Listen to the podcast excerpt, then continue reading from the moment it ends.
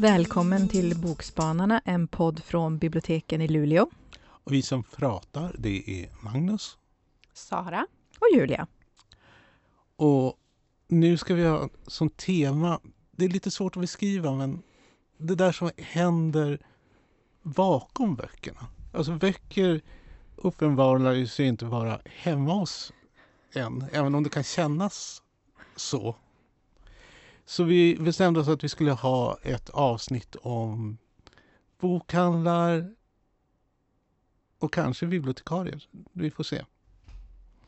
Eh, och det är ju ganska stort det där med bokhandlar, det är kanske litet. Alltså, om man tittar på feelgood-böcker så finns det ju massor av sådana där. Den lilla bokhandeln i hamnen eller den lilla bokhandeln någon annanstans.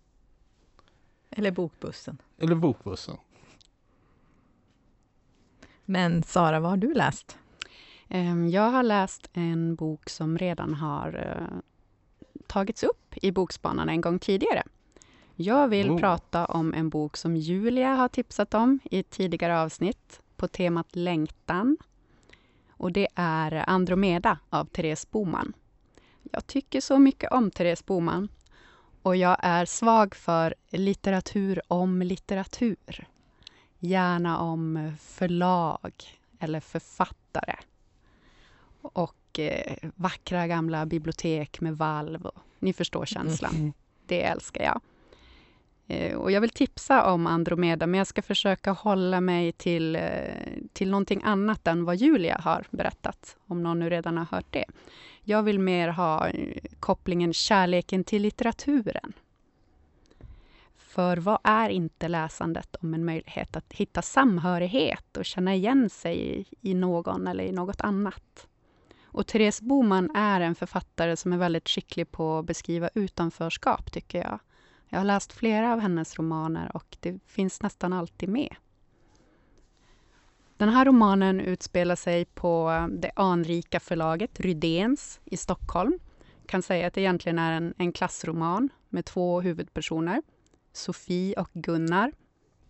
Sofie är en ung kvinna, ensam i Stockholm, som lyckas få praktikplats på det här fina förlaget, Rydéns. Och hon är hela tiden lite rädd för att avslöjas som ovärdig. Typiskt så här imposter syndrome. Eh, och på ett möte så av någon anledning bestämmer hon sig ändå för att verkligen för första gången i livet tala om vad hon tycker. De diskuterar tre manus och hon berättar vad hon tycker är bra och vad hon tycker är dåligt om de här manusen. Och på så sätt väcker hon uppmärksamhet hos eh, Gunnar Abrahamsson, den här stora kändisförläggaren och litterära chefen som har ansvarat för eh, den här bokserien som heter Andromeda, som bokens titel kommer ifrån. Och Gunnar tar Sofie under sina vingar och ger henne till sist ansvar för Andromeda. Och eh, det tänker jag väl är, är drömmen för, för alla, alla som tycker om böcker, att få, få se det här eh, en puppet master bakom, eller hur liksom en bok blir till en bok. Det är så otroligt fascinerande. Att en eh, förläggare drömmer väl om, tänker jag, att hitta en författare eller hitta det här manuset som, som inte är helt fantastiskt. Man ser de här kvaliteterna och så får man slipa fram det tillsammans med, med författaren. Och det ska väl då leda till ett författarskap som på något sätt betyder något och påverkar samtiden, tänker jag. Och eh, jag vill läsa ett citat från, från den här boken. Och det är när Sofie får äran att följa med Gunnar på ett möte med en av hans eh, författare, som han ansvarar för. Det var som att bevittna en dans, där Gunnar skickligt styrde henne genom vad som egentligen var ganska hård kritik, på ett så varsamt sätt att det till slut framstod som att det var hon som hade fått en uppsjö nya idéer under samtalet.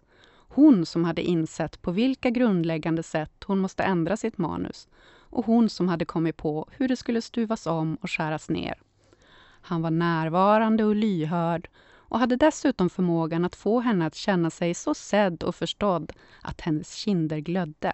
Han gav henne precis den sorts uppmärksamhet som hon och hennes manus behövde.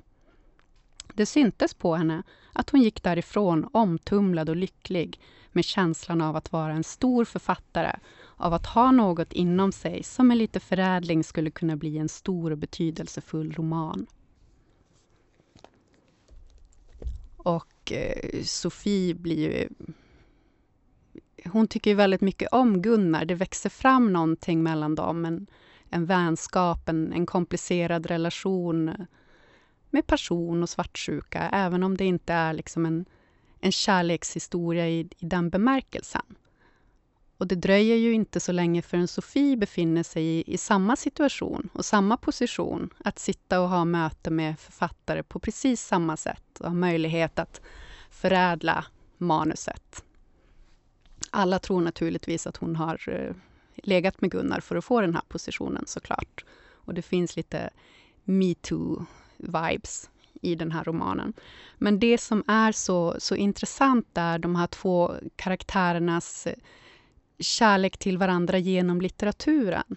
Att deras tankar om och drömmar om den stora litteraturen och att påverka samtiden blir liksom det som bär upp relationen mellan en på utsidan till synes ett till synes omaka par, en äldre man och en ung kvinna. Det är mycket obalans i maktpositioner och så vidare. Och samtidigt visar det sig att de har eh, liknande bakgrunder och har gjort klassresor på varsitt sätt.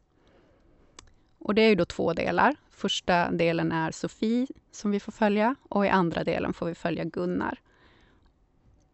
Och jag skulle säga att första delen är starkare, tycker jag. Men jag vill verkligen tipsa om Andromeda och om Therese Bomans författarskap. Det är ofta passionen mellan äldre man, yngre kvinna, makt, klass, utanförskap. Eh, det finns både Aftonland och Den andra kvinnan, två romaner som jag kan rekommendera varmt, förutom Andromeda. Magnus, vad har du läst? Jag måste ju säga, du har ju insett det rätta när det gäller böcker. En bra bok kan man aldrig prata för mycket om. Vilken tur. eh, jag skulle ju vilja hitta en bok om en bokfaddare i en extremt skrikig skjorta med dinosaurier på. Men det har jag inte gjort. Istället så har jag riktat in mig på en tysk feelgood om bokhandlare. Som inte lik, är lika konstigt som det låter. Jag måste erkänna, jag har fördomar mot tyska. För mig är det något sånt där språk som man bara kan säga Oberhafer Germanen Stasen Master eller något sånt där på. Låta lite arg. Ja. Men jag måste nog liksom faktiskt omvärdera det. För det, det verkar finnas ett småstadstyskland som är mycket gemytligt. Kanske inte helt otraumatiskt men det är ju det som ofta gör en good story. Att det finns något man måste nysta i om alla var bara lyckliga kanske det skulle bli lite tråkigt i längden. Så det här handlar om Karl som är en passionerad eh, bokhandlare. Men han jobbar kvar därför han har en sån här spe speciell door-to-door service. Och det är därför boken heter då The Door-to-Door Bookstore. Och det är Karsten Henn som har skrivit den. Alltså han går hem till folk och levererar böcker till dem. Och det har han gjort alltså i flera år. Så de liksom behöver inte ens eh, beställa böckerna. Han känner ju dem. Så då plockar han ut det som han tycker är intressant. Eller som han tror att de, eller som han vet att de är intresserade av. Och de kan ha liksom sådär lite speciella eh, krav att någon bara vill läsa lyckliga böcker kanske är ganska normalt men det finns en av hans kunder som eh, inte vill ha gröna omslag. eh, och eh, Karl läser ju mycket själv. Och det gör att han liksom lever i någon sån här verklig pseudolitterär värld. Därför han identifierar alla sina kunder som litterära gestalter. Den eh, mycket olyckliga, vackra unga kvinnan som han levererar eh, feelgood-böcker till är ju Effie Brest. Alltså det är en tysk roman av Thomas Mann om jag kommer ihåg rätt. Men där kan jag ha fel. Eh, den mörka, vackra mannen som bara läser eh, historiska böcker och filosofiska verk, det är ju Mr Darcy. och eh, eh, kvinnan som klär sig väldigt excentrisk och gör alltid som hon vill, det är ju Mrs Longstocking. Mhm. Och eh, det är ju i varje fall, jag köper det här. Jag tror definitivt att vår perception påverkas av det vi läser. Eh, det som jag har märkt det tydligast, det var liksom faktiskt inte av litteratur jag önskar att det var det. Det är Simpsons. eh, de har en sån här eh, vignett där med moln. Ja. Och det har har jag liksom flera gånger varit med om att jag har tittat upp på himlen och så tänkt Åh, där är Simpsons moln. Jag med! Så det är det som är kärnan i den här bo- boken. Alltså vi lever det vi läser. Och det tycker jag är så underbart. Det låter romantiskt. Det är romantiskt. Men tyvärr är det inte så romantiskt därför den handlar ju också om hur vi kanske hindras av det vi läser. För alltså Karl då, han lever i liksom någon slags bubbla. Han rör sig aldrig utanför stadskärnan i staden han bor. Han kommunicerar liksom bara med folk med hjälp av bö- böckerna. Vilket gör att det blir någon sån där glastak. Alltså Mr Darcy skulle vilja bjuda in honom för att prata om böckerna. Men i och med att båda två är för väluppfostrade så sker det aldrig. Så den enda kontakten det liksom blir när han lämnar över boken. Och samma sak med Effie Brest som lever i ett olyckligt äktenskap. Hur bra mår hon egentligen bara att få de här feelgood-böckerna? För, och allt ändras då när Karl blir mer eller mindre kidnappad av en eh, tioårig flicka. Som liksom dyker upp och säger att nu ska jag gå med dig. För jag vill se vad du gör. Och för, eh, först försöker han bli av med henne. Och hon är ju väldigt liksom så här brådmogen måste jag säga. Så hon läser ju jättemycket hon också. Och hon bryter liksom alla de här äh, försiktighets eller artighetsgränserna. Hon springer in i husen och ställer besvärliga frågor och Karl blir jättegenerad. Och de han går hem till, de blir överlyckliga. Därför att någonstans är de kanske också isolerade i sina litterära världar och vi behöver det där som punkterade. Och saker ställs, ställer på sin spets när den här flickan bestämmer sig att nu ska jag också ge, ge bort böcker. Men hon ger inte det de vill ha, utan hon ger det hon tror att de behöver. För att de ska kunna gå vidare i nästa ste- steg. Väldigt brådmoget. Väldigt brådmoget. Jag känner att jag blir lite sådär som... Jaha. Fyra år på bibliotekshögskolan bortkastad. Ja, en tioårig Pippi Långstrump kommer och bara kan göra allt bättre. Mm. Och det kan hon ju naturligtvis inte. Det uppstår en massa konflikter. Bland annat har hon en pappa då som kanske tycker att det inte är så lyckat att hon drar på stan med en karl i 70-årsåldern. Och eh, där, i den konflikten så tänker jag faktiskt sluta prata om den här bo- boken. För den måste ni läsa själv. Och det är också, den är så lågmäld och den är så fin så det är så lätt att prata sönder den. Den ska upplevas.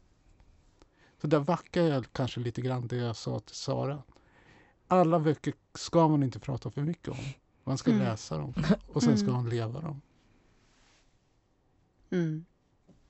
Intressant. Och lä, lät lite grann som en typ en äh, Roald Dahls Matilda också, det där med brådmogenheten mm. och läsningen. Och, ja. Eh, jag associerar mycket till Momo och Kampen om tiden. Mm. Spännande. Mm. Då kanske vi ska gå vidare. Jag har läst en liten mer, som går lite mer åt fantasyhållet, bok som heter Katten som räddade böcker av Suzuki Natsukawa. Och den Eh, är japansk i original, men den jag har läst är översatt från engelska av Anna Aronsson och Emma Leonard. Och det här är ju en söt liten bok. Och det finns ju med en talande katt, st eh, stor tro och kärlek till böcker Um, och det känns nästan som det existerar liksom broderade bo boningar med olika citat från de här karaktärerna där det går en liten gullig liksom katt under. Det känns eh, riktigt så här äh, helylle på något sätt det här. Är verkligen en stor tro på böckernas kraft. Så om det är något sånt man behöver, då ska man absolut läsa den här. Och i den får vi möta eh, gymnasieeleven Rintaro.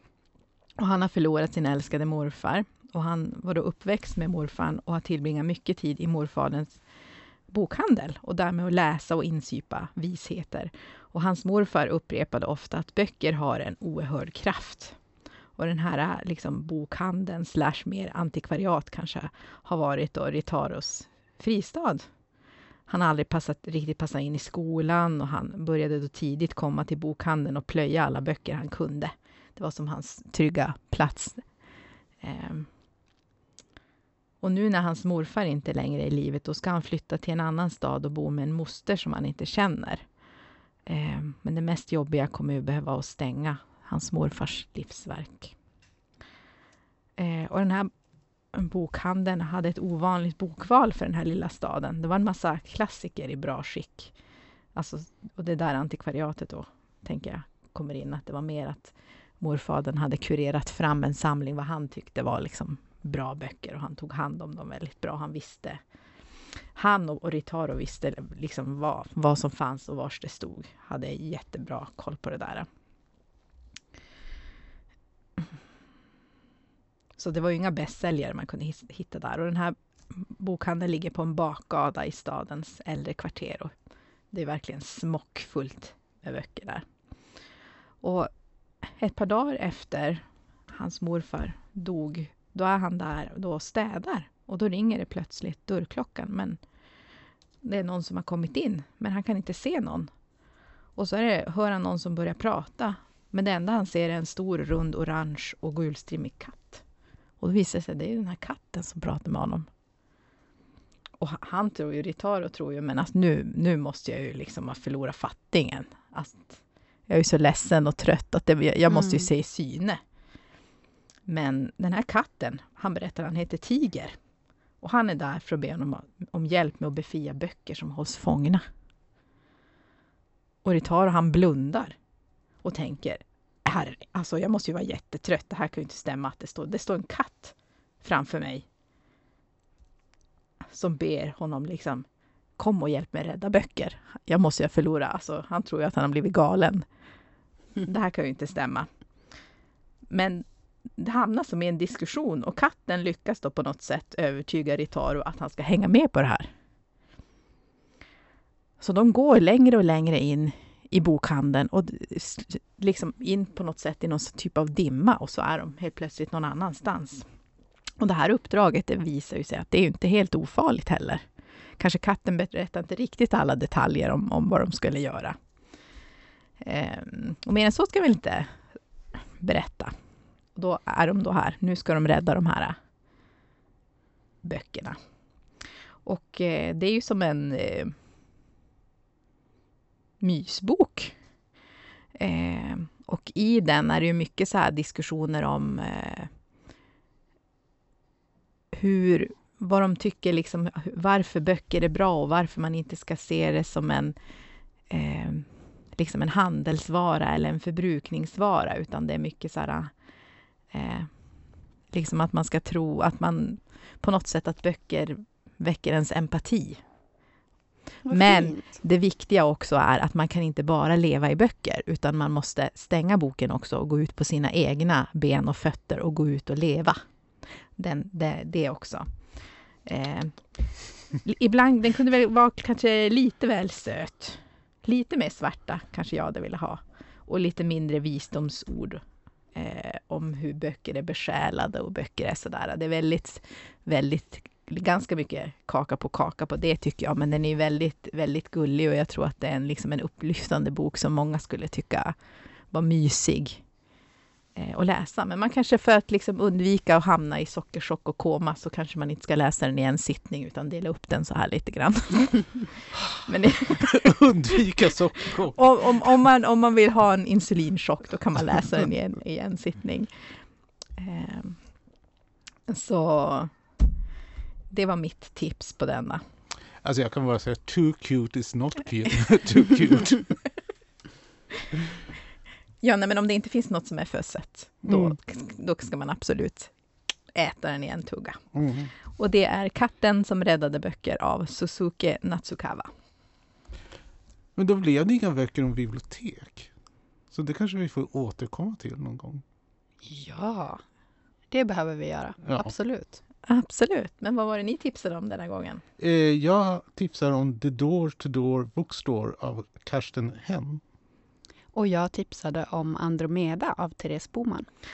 Och som jag sagt tidigare, Katten som räddade böcker av Suzuki Natsukawa. Hej då! Tack Hej för denna gången. Hej då!